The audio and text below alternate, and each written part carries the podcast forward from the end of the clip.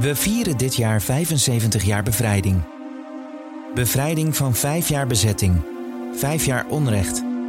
En ook van vijf jaar waarin ons land toneel was van zwaar oorlogsgeweld. Grote delen van het land veranderden daarbij ingrijpend. Na de oorlog zijn de sporen daarvan grotendeels opgeruimd. De mensen wilden zo weinig mogelijk herinnerd worden aan die gruwelijke oorlogsjaren. Maar niet alles verdween. En de laatste jaren groeit de belangstelling voor dat erfgoed uit de Tweede Wereldoorlog. In een serie gaan wij op zoek naar sporen van de oorlog in de gebieden van natuurmonumenten en naar de verhalen erachter. In deze aflevering nemen we je mee naar Nationaal Park Zuid-Kennemerland. Het duinlandschap is nu het domein van veel bijzondere plantensoorten, zoals orchideeën en parnassia's. Er wonen veel verschillende dieren, zoals damherten, konijnen, Schotse hooglanders en Shetlandponies. De mens maakt ook veelvuldig gebruik van het Nationaal Park, zowel op de fiets als aan de wandel. Hoe anders zag het er 75 jaar geleden in de Tweede Wereldoorlog uit? Michiel Purmer is specialist erfgoed bij natuurmonumenten. Voor zijn promotieonderzoek deed Michiel uitgebreid onderzoek naar het militaire erfgoed in natuurgebieden. Samen met hem en boswachter Jowien van der Vechten gaan we in Zuid-Kennemerland op zoek naar de restanten van de oorlogsgeschiedenis. Dit gebied was na de oorlog van de familie van Hoorn, een, een rijke familie uh, die een stuk duingebied uh, bezat. En ja, in de oorlog uh, hebben ze dit gewoon over zich heen moeten laten komen. ze hadden geen keuze, de Duitsers waren de baas. En na de oorlog ehm, hebben ze eigenlijk gewoon niet de moeite genomen om het op te ruimen. Dat was veel meer gedoe en werk en, en kosten waarschijnlijk dan het gewoon maar laten liggen. Dus wat ze gedaan hebben is op een paar plekken zo'n dammetje in de tankgracht... dat je wel uh, kon oversteken. Uh, maar verder is het erfgoed eigenlijk ja, ongeschonden hier uh, nog steeds aanwezig.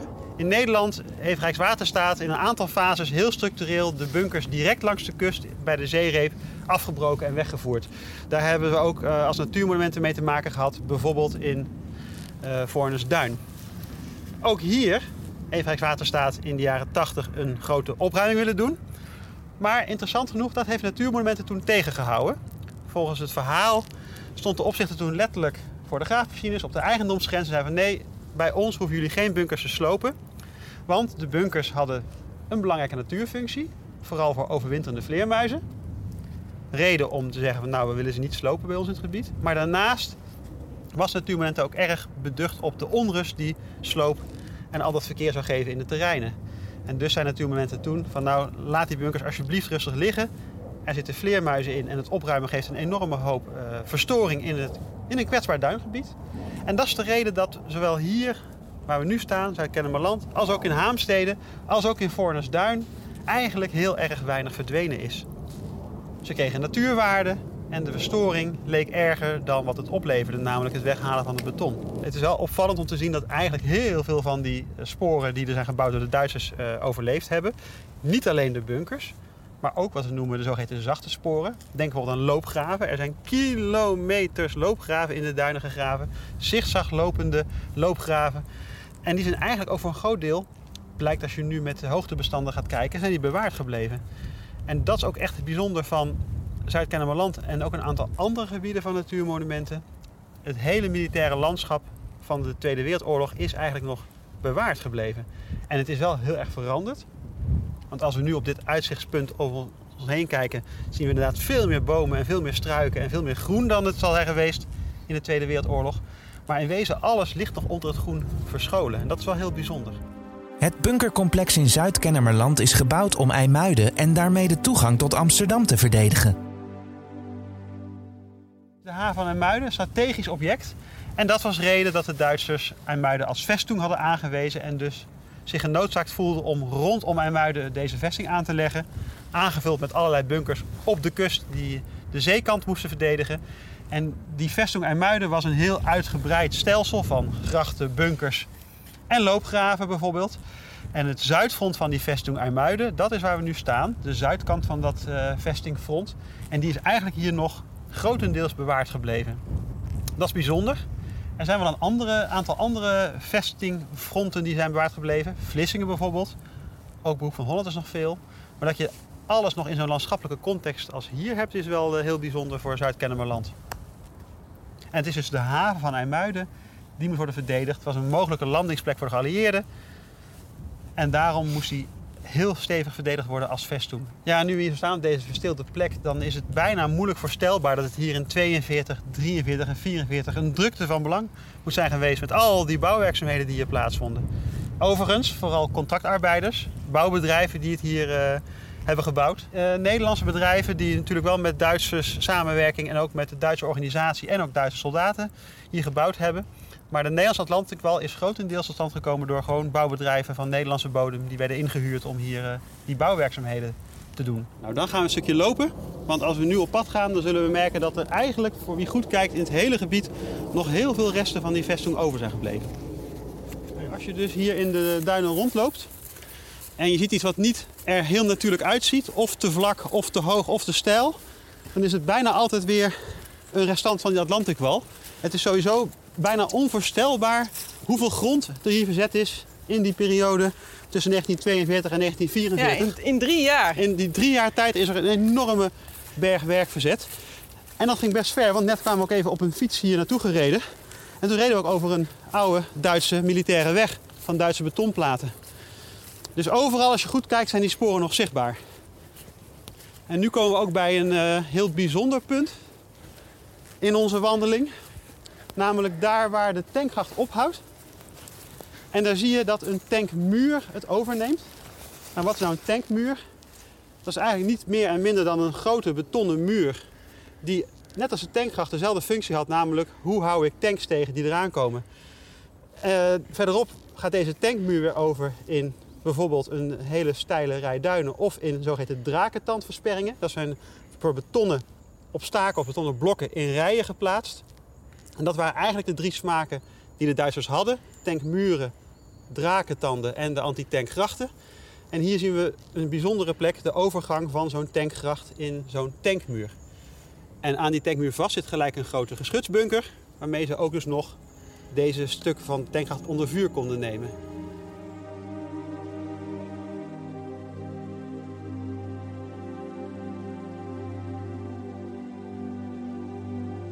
Dat bos stond er in die tijd niet.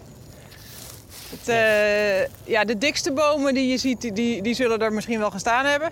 Maar de meeste bomen, uh, het was kaal toen. De Duitsers hebben deels kaal gemaakt, maar ook de Hollanders die uh, hout sprokkelden. Want het was natuurlijk voor de Nederlanders een, een armoedtijd. Dus de duin was toen echt zo goed als kaal. Dus je had een groot, groot zicht ook. Waarschijnlijk hebben de Duitsers deels ook gekapt om, om zicht op de vijand te hebben. Uh, plus het is, ja, je moest gewoon aan het werk, dus je had ruimte nodig. Ja, dus eigenlijk is het heel apart dat nu, uh, we zijn natuurlijk nu wel zo'n 75 jaar na dato, dat je ziet dat het landschap heel erg is veranderd rondom die Atlantikwal. De structuren en sporen liggen er in ieder geval hier, liggen er allemaal nog. Maar het beeld is veel dichter geworden, veel meer bos gekomen. Stukken zijn ook overwoekerd met klimop bijvoorbeeld. Uh, andere planten. Als je hier in de zomer bent is het bijna een soort ondoordringbaar oerwoud. En dat geeft het ook wel weer een beetje een bijna romantische uitstraling soms. Hoe gek het ook klinkt. Door de jaren die er overheen zijn gegaan, heeft het ook een hele bijzondere uitstraling gegeven, deze plek. Ik was hier één keer met een hoogleraar uit Delft, bouwkunde. Die hield zich bezig met modern erfgoed. Daar valt de wel ook onder. En toen die hier met mij liep, toen deed haar gewoon denken aan die tempelcomplexen in Zuid-Amerika, die eeuwenlang onder het oerwoud hebben gelegen. Het heeft bijna al zo'n soort sfeer gekregen, hoe gek het ook klinkt voor dit kille beton uit de Tweede Wereldoorlog. Die tankgracht die, uh, heeft best grote dimensies inderdaad. Ja, meter of 15 breed zal die zijn, zoals we hem hier zien liggen op dit stuk. Hij heeft hele steile oevers natuurlijk, want het moest steil zijn. Want dan konden de tanks, die vielen dan als het ware over het randje heen die, uh, die gracht in. Was een onneembare hindernis voor de tanks van die tijd. Was dus diep en steil. En toen natuurmonumenten, die hier sinds eind jaren 70 zit, ergens in de jaren 80, meen ik uit mijn hoofd, natuurvriendelijke oevers wilden aanleggen langs deze tankgrachten. Toen bleek het eigenlijk ook onmogelijk te zijn vanwege de enorme hoeveelheden munitie en ander gevaarlijk materiaal wat nog aanwezig was in deze tankgrachten. Die plannen zijn toen dus ook verlaten. Het zijn wel nog steeds hele bijzondere ja, habitats geworden voor allerlei soorten. Maar daar weet je vast meer over, wat hier allemaal in zit. Sowieso zie, zie je er bijna altijd vogels. Uh, de broeder hier dodaars, een uh, kleine futensoort. Uh, ja, eh, afhankelijk van het seizoen zitten er verschillende soorten eenden. reigers kom je natuurlijk tegen. maar sowieso in dit stuk bos daar fluit en, en tweet van alles.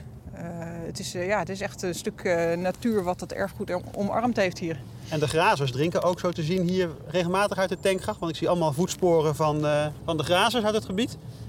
Ja, herten komen hier uh, drinken, maar zeker ook uh, de, de paarden en de Schotse hooglanders. En die Schotse hooglanders die hebben het met hun dikke vacht nog wel eens warm in de zomer. Dus die gaan ook lekker gewoon in de sloot staan, zoals het dan uh, hier genoemd wordt. Ehm, is hier niet erg, want dit is geen modder, dit is gewoon hard duinzand. Dus we kunnen er ook gewoon zelf weer uit. We krijgen wel eens een belletje van een bezorgde wandelaar. Zo staan koeien in de sloot. maar dat is hier niet, niet zo'n probleem. Ze lopen er hier vanzelf weer uit. En we zien ook hier een heel mooi stuk van de tankgracht, die nog een paar meter boven de gracht uit, de tankmuur, die boven de tankgracht uitsteekt. En die heeft een hele mooie groene waas gekregen bovenop. Hij heeft een soort puntige bovenkant. Je kan ook nog een soort schubben zien, die in het beton zijn aangebracht. En die puntige bovenkant die is nu helemaal groen geworden door het mos. En ik weet van uh, mossenspecialisten van natuurmonumenten dat juist dat Duitse beton ook een hele goede voedingsbodem is voor allerlei hele bijzondere mossensoorten. Ook omdat zo'n tankmuur en ook die bunkers ja, al meer dan 75 jaar nu ongestoord in het gebied staan. En daardoor ook hele bijzondere habitats vormen voor ja, soorten als mossen.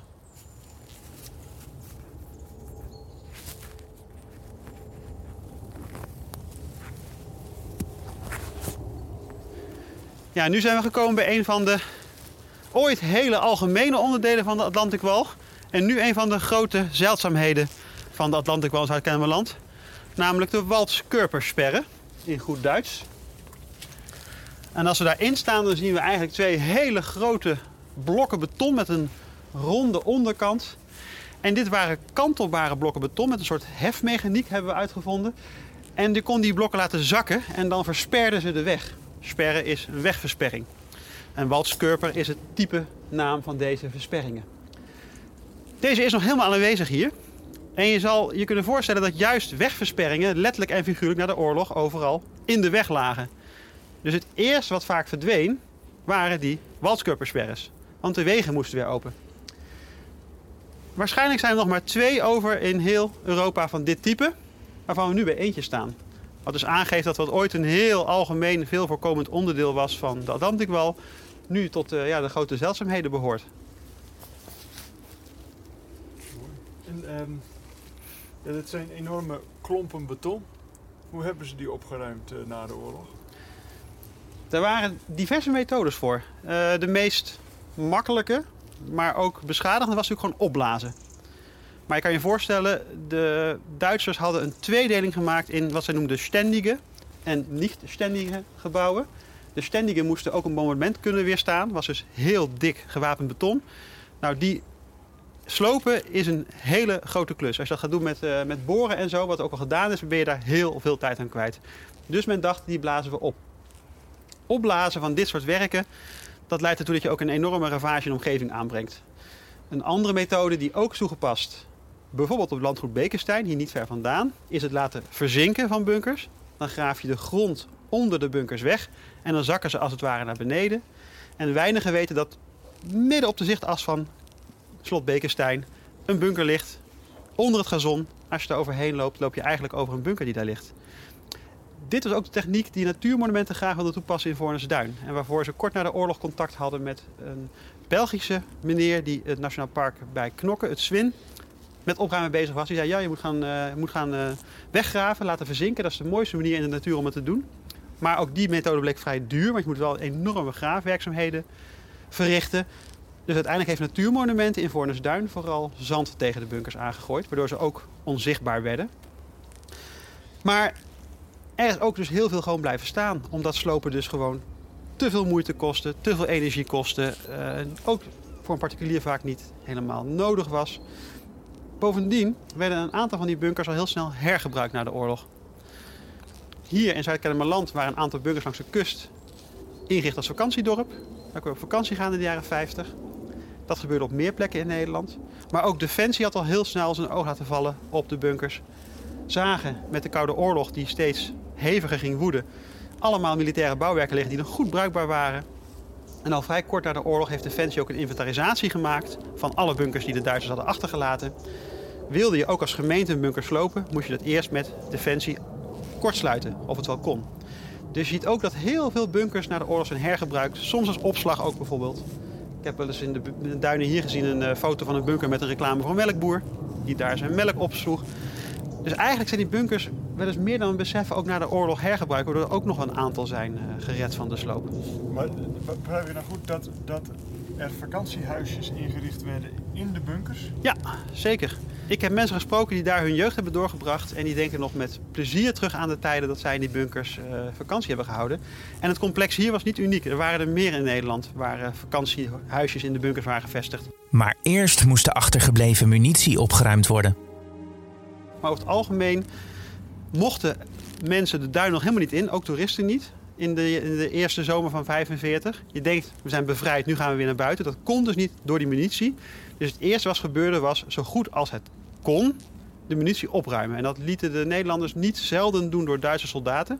Wat overigens tegen het internationaal oorlogsrecht is. Maar die werden dan ingezet om de mijnen en munitie die ze zelf hadden neergelegd ook weer net zo hard weg te halen. Daar zijn ook trouwens diverse Duitsers bij omgekomen hierbij. Het was een gevaarlijke klus, een risicovolle klus. Maar het is langs grote delen van de kust uh, is dat ook zo gegaan.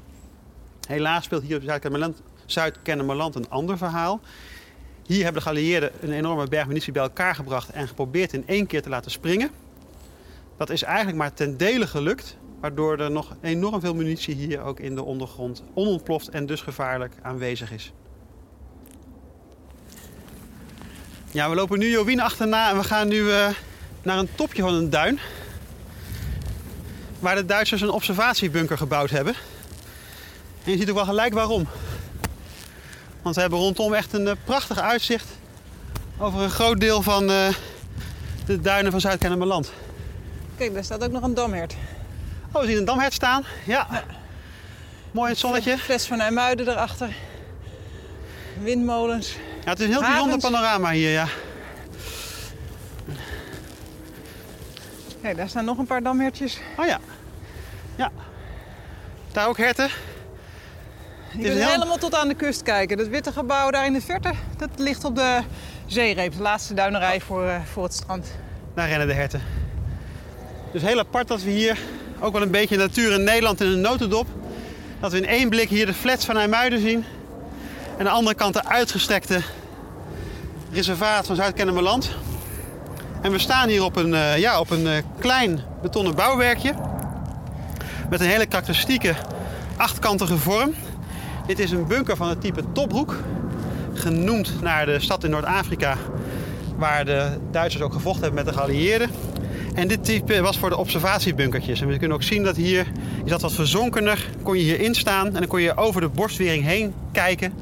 Daarom ligt hij ook op zo'n hele mooie, uitstekende zichtplek. En dit soort observatiebunkertjes duiden, bouwden de Duitsers eigenlijk overal langs eh, de kust in de Atlantikwal. Als je op een gegeven moment dit soort standaard type bunkers leert kennen, dan zie je ook dat het echt massawerk was en dat je overal dezelfde types tegenkomt. En deze observatiebunkertjes vind je op heel veel hogere en strategisch gelegen plekken vind je die terug.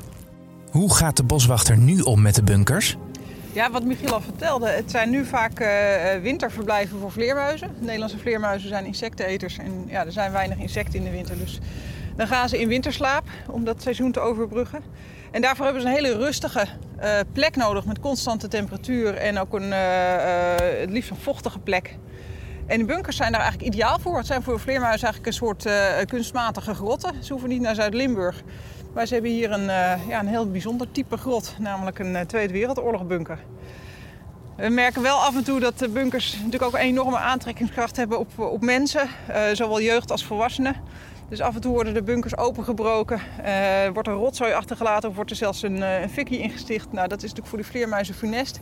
Dus dat gaan we zoveel mogelijk tegen door bunkers af te sluiten of helemaal dicht met alleen een gaatje voor de vleermuizen. Of met een soort van deur met een opening voor de vleermuizen. Waar wij dan nog met een sleutel wel in kunnen om ze te tellen. Want we willen natuurlijk heel graag zien hoe het gaat met die vleermuizen. Um, maar ja, soms uh, komen we dan toch weer voor verrassingen dat er weer uh, vernielingen zijn aangericht. Wat natuurlijk erg jammer is. Uh, verder, wat, ja, wat we eerder al zeiden, mossen groeien op die bunkers. we vinden er ook wel zo'n bosuil in. Die uh, nou ja, blijkbaar een, uh, een bunker verkiest boven een boom. Dus de natuur die weet er aardig uh, gebruik van te maken. Het is, heeft nu echt als hoofdfunctie natuurgebied. Het is ook nationaal park. Uh, het erfgoed is natuurlijk ontzettend belangrijk, om, zeker omdat het hier bij Amuiden zo'n unieke uh, uh, plek is qua erfgoed. Ehm, maar het is wel zo dat het, het, meeste ja, ligt verborgen. voor de vleermuizen, voor de andere dieren die hun rust hebben hier in het gebied. Dus af en toe is met, met een boswachter zijn er af en toe wandelingen dat, dat je wat meer kan zien dan alleen vanaf de paden. maar het meeste is toch ja, we bewaren het. We laten, af en toe kunnen we het even laten zien. Wat wel heel erg leuk is om te, om, om te bekijken, is bijvoorbeeld in Ermuiden het Bunkermuseum. En daar op een korte wandeling vanaf het Bunkermuseum zijn ook drie hele grote bunkers waar je gewoon vrijelijk in kunt rondkijken. En uh, dat geeft wel een heel mooi idee, voorbeeld van, van ja, hoe al die bunkers waren. Hoe dat, hoe dat werkte en hoe dat voelde. Ja, er zijn een paar dingen die, die in de loop der tijd ja, minder zichtbaar zijn of, of zelfs ja, gesloopt zijn, ook, ook hier in het Nationaal Park. De loopgraven bijvoorbeeld, ja, soms stuiven die dicht, ja, duinen stuiven. maar dan is het heel belangrijk om ze wel eerst vastgelegd te hebben. En gelukkig kunnen we tegenwoordig met, met hoogtemetingen kan dat allemaal heel precies gedaan worden. Dus de meeste loopgraven hebben we heel goed in kaart. En dan, nou, dan is het minder erg als ze mochten ze vol uh, zand stuiven. Maar er zijn ook bijvoorbeeld stukken van de oude betonwegen van de Duitsers. Uh, die we hebben moeten opruimen. Omdat er bijvoorbeeld een, een natte duinvallei tot ontwikkeling kwam. Of juist een, een stuivenduin. En dan zou het toch op den duur verloren gaan. Ja, en, en die, ja, zijn dus op een paar plekken dan wel stukjes van zo'n weg opgeruimd. Dus wel eerst goed gedocumenteerd waar die weg liep. En uh, ja, dat puin, dat konden we weer hergebruiken om andere paden te verharden. Dat was dan wel weer makkelijk. Zo is het voor de boswachters voortdurend zoeken naar de balans tussen cultuurhistorie en natuur. We staan hier weer bij een stuk van die tankmuur, waar we het eerder over gehad hebben. Nou, we zien een hele oude klimop en die is als het ware de muur opgekropen, de tankmuur opgekropen. Want de lage stukken zijn allemaal door de herten weggevroten. Maar bovenop heeft de klimop toch een kans gekregen. En hier is de bovenkant van de tankmuur is dus helemaal groen van de klimop. Nou, dit is een van de plekken waar je eigenlijk moet zeggen van... Die klimop tast de tankmuur aan. We kunnen ook zien dat er hier en daar scheuren zitten in het beton. De bewapening ligt bloot. Dit zou een plek zijn waar je kan overwegen om zo'n klimop gewoon te verwijderen. Om te voorkomen dat de verval sneller uh, verder schrijdt. Dat is een hele, ja, een hele makkelijke eerste stap. Hè? Gewoon de schadelijke beplanting van zo'n tankmuur weghalen. We kunnen nog meer doen. In Zeeland zijn we nu ook aan het kijken hoe we bepaalde bunkers kunnen behouden voor de toekomst. En daar kiezen we voor toch, waar nodig is, gaten in de bewapening weer dicht smeren. Zodat er in de winter geen vocht bij de bewapening kan komen. Met vorst roest uh, kan ontstaan, water uitzetten en er nog meer scheuren komen. Dus daar zetten we af en toe nu scheuren dicht, smeren we weer af. We hebben hier en daar wat extra steunpilaren geplaatst in bunkers waarvan het dak slecht begon te worden. Dat soort maatregelen nemen we nu om niet zozeer een bunker helemaal weer spik en span te restaureren. Want dat past niet in het natuurgebied. Maar wel willen we het verval vertragen en proberen zeker de bijzondere types zo lang mogelijk in stand te houden. En nu we bij deze tankmuur staan, zou je kunnen zeggen, ja, het zou hier wel een maatregel zijn om eens een keer die klimop eraf te halen. Zodat we ook hier het verval zoveel mogelijk vertragen voor de komende tijd. En de boswachter dat ook? Ja, het erfgoed hoort er ook bij. Het, dit is een gebied met, met, met twee, uh, ja, twee hoogtepunten. De natuur is, is fantastisch hier, maar het erfgoed is hier ook echt uniek. Um, en klimop is, is, is nou niet eh, direct een soort die het in Nederland moeilijk heeft. Dus ik heb hier niet, geen probleem mee om die klimop weg te halen en hier voor het erfgoed te kiezen.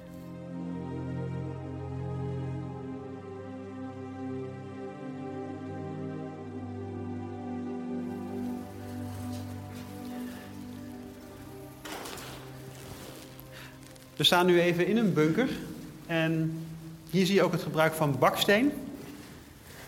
Misschien denken mensen dat uh, al die bunkers allemaal van dik beton waren. Nou, dat was niet zo. Er waren verschillende categorieën bunkers van dus verdedigbare en niet verdedigbare bouwwerken. En hier staan we dus in een uh, bouwwerk waar ook heel veel baksteen gebruikt is. Een opslagplaats waarschijnlijk. Helaas is er ook hier uh, na de oorlog zijn mensen aan de slag geweest, namelijk met allemaal graffiti spuiten op de muren. Ze zien overal fel gekleurde tekeningen staan. Ja, stripboektekeningen. Ja. En er is ook een fikkie gestoken, zien we al hier. Dus je ziet ook dat de kwetsbaarheid van dit soort bouwwerken voor vandalisme helaas. Maar dit is dus een, ook eigenlijk een overwinteringsplek voor, eh, Ja, voor vleermuizen. Dit is een van onze vleermuisbunkers. Ehm, behalve vleermuizen, dit is een vrij droge. Deze is ook heel populair bij vlinders. Er zijn ook vlinders die overwinteren. Dat, dat weten veel mensen niet. Ehm, heel veel vlinders overwinteren als eh, pop of als ei of als rups. Maar er zijn ook vlinders die gewoon echt als vlinder overwinteren. En dat zijn bijvoorbeeld dagpauwogen. Die, sommige mensen vinden hem ook wel in een schuurtje of in een, eh, een, een houtvoorraad, zeg maar. Daar zitten ze ook vaak tussen. Maar ze houden ook van dit soort bunkers. En ik, ik zag er net een paar. Oké, die hangen er al. Oh ja. Even kijken hoor, waar zag ik ze nou? Ja, Hier hangt er een. Ik zal even mijn lichtje erop schijnen. is een dagbouwoog. Ja, het is een dagpauwoog. Hij is helemaal zwart, de onderkant van zijn vleugels. Maar aan de vorm van de vleugels en de grootte eh, herken ik hem als een dagpauwoog. En die hebben hier dus ook een heerlijk rustig plekje om, eh, om te overwinteren. Het is vorstvrij, want het zijn Ja. dikke muren. En ze kunnen hier heerlijk eh, rustig Ja, ik- Overwinteren. Ze Tot, tot er een grote oorvleermuis langskomt. Want die vindt ze heerlijk. Die peuzelt ze gewoon op terwijl ze slapen. Ik heb in deze bunker nu één vleermuis ge- ge- gezien. Hij slaapt. We kunnen hem even snel bekijken. En dan gaan we weer naar buiten. Ja. Om hem niet eh, echt wakker te maken. Pas op hier Pas voor op de voor de- plank op de vloer.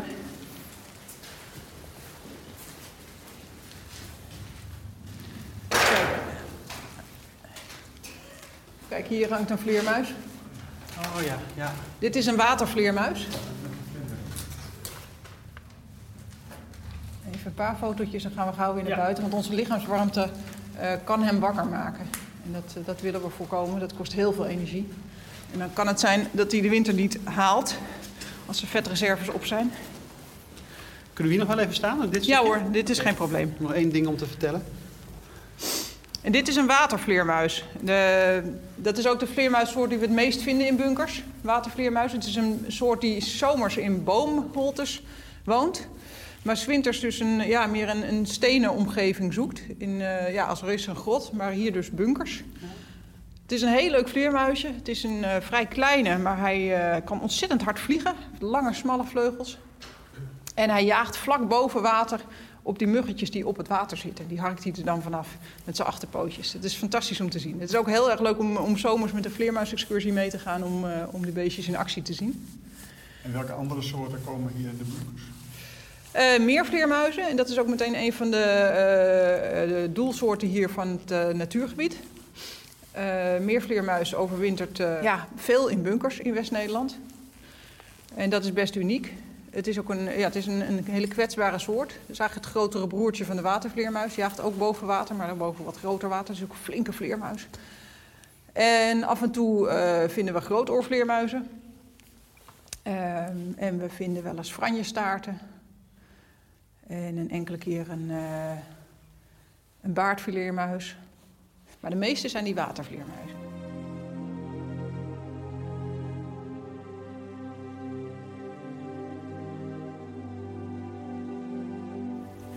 Loop nog even naar de loopgraaf.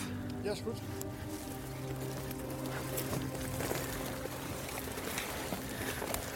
Ja, ja, ja. Ja, we lopen nu eigenlijk van de tankgracht naar een eh, loopgraaf. Waarover zo meteen even wat meer. Maar al wandelend, ook goed om te bedenken dat er ook wel een aantal eh, hele heftige dingen hebben plaatsgevonden in de duinen hier vlakbij. Bijvoorbeeld de bekende verzetstrijdster Hannie Schaft, het meisje met rode haar, is hier niet ver vandaan gefusilleerd. Hier vlakbij is ook de erebegraafplaats van Overveen, waar verzetstrijders liggen. Dus dat soort tafereelen hebben zich ook in deze duinen eh, voorgedaan tijdens de Tweede Wereldoorlog. Er is een bunker in Haamstede, vlakbij het kasteel Haamstede, waarin de tien van Renesse, verzetstrijders, de laatste nacht voor hun executie hebben doorgebracht. Er zitten soms ook hele persoonlijke en soms ook hele gruwelijke verhalen die ook rondom die verdedigingswerken van de Duitsers spelen hier. Je ziet hem eigenlijk niet als je het niet weet. We staan gewoon op een wandelpad waar waarschijnlijk heel veel mensen langs wandelen. En we zien een soort verdiept liggend paadje aan beide kanten van het pad. Wat vooral valt is dat hij heel erg slingert. Hij maakt allemaal hoeken. Als je deze nou zou langslopen, dan zul je zien dat hij niet voor niks hoeken maakt. Het is namelijk een oude loopgraaf. We hebben een inventarisatie aan van loopgraven. Er zitten kilometers loopgraven in dit gebied. Ze zijn allemaal wat ondieper geworden door blad en andere en strooisel en zo in de loop van de jaren. Maar juist aan dat zigzagverloop kun je herkennen dat het echt bewust gegraven loopgraven zijn hier. Dit heet met een mooi woord in de erfgoedwereld zachte sporen. Niet gebouwd, erg kwetsbaar, maar wel heel bijzonder. Want ze vertellen net zo goed het verhaal van de Atlantikwal als de Waldskuppersperre waar we stonden en de tankgracht en de grote bunkers. Ze vormen namelijk een belangrijk onderdeel van datzelfde militaire landschap. Je zult begrijpen, daar waar tankgrachten, loopgraven in de weg lagen na de oorlog, in Woonwijk bijvoorbeeld, waren dat de eerste dingen die je dichtschoof.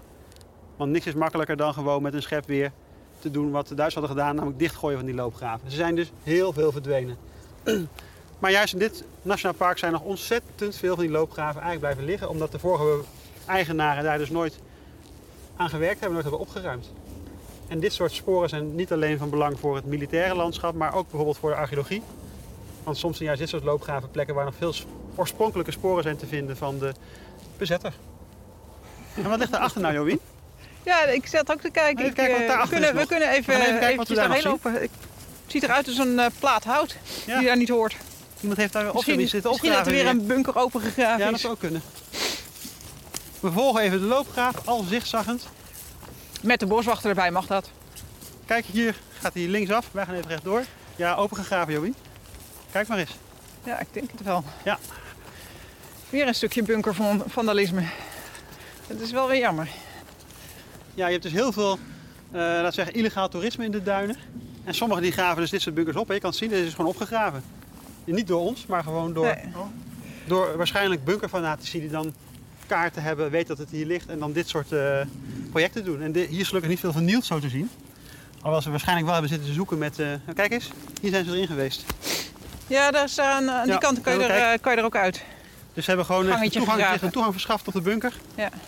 Nou is hier inderdaad waarschijnlijk het erfgoed niet heel erg beschadigd. Nee. Maar Ga ik er zijn heel veel andere gevallen waarbij dat wel gebeurd is. Kijk of we met de kaart kunnen relateren, Jowien. Ik heb de kaart van eh, Erik bij me, de inventarisatiekaart. Nou ja, hij ligt vlak langs de loopgraaf, dus het, dan moeten we makkelijk te lokaliseren zijn. Zo leuk om die ook eens te gebruiken. Ik weet niet of ik hem groot genoeg heb uitgeprint. Even kijken.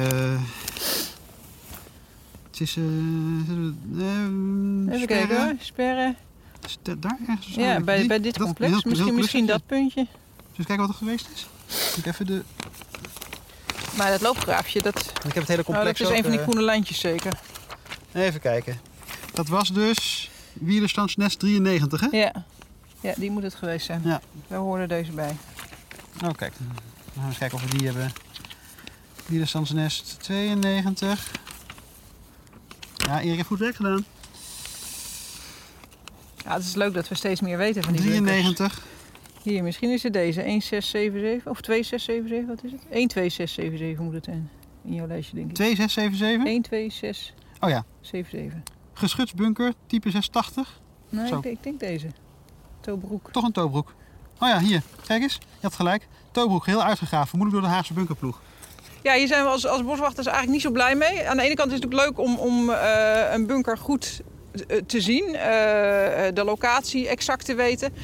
Eh, maar dit uitgraven, dat zal met een, een hoop verstoring eh, eh, gepaard zijn gegaan.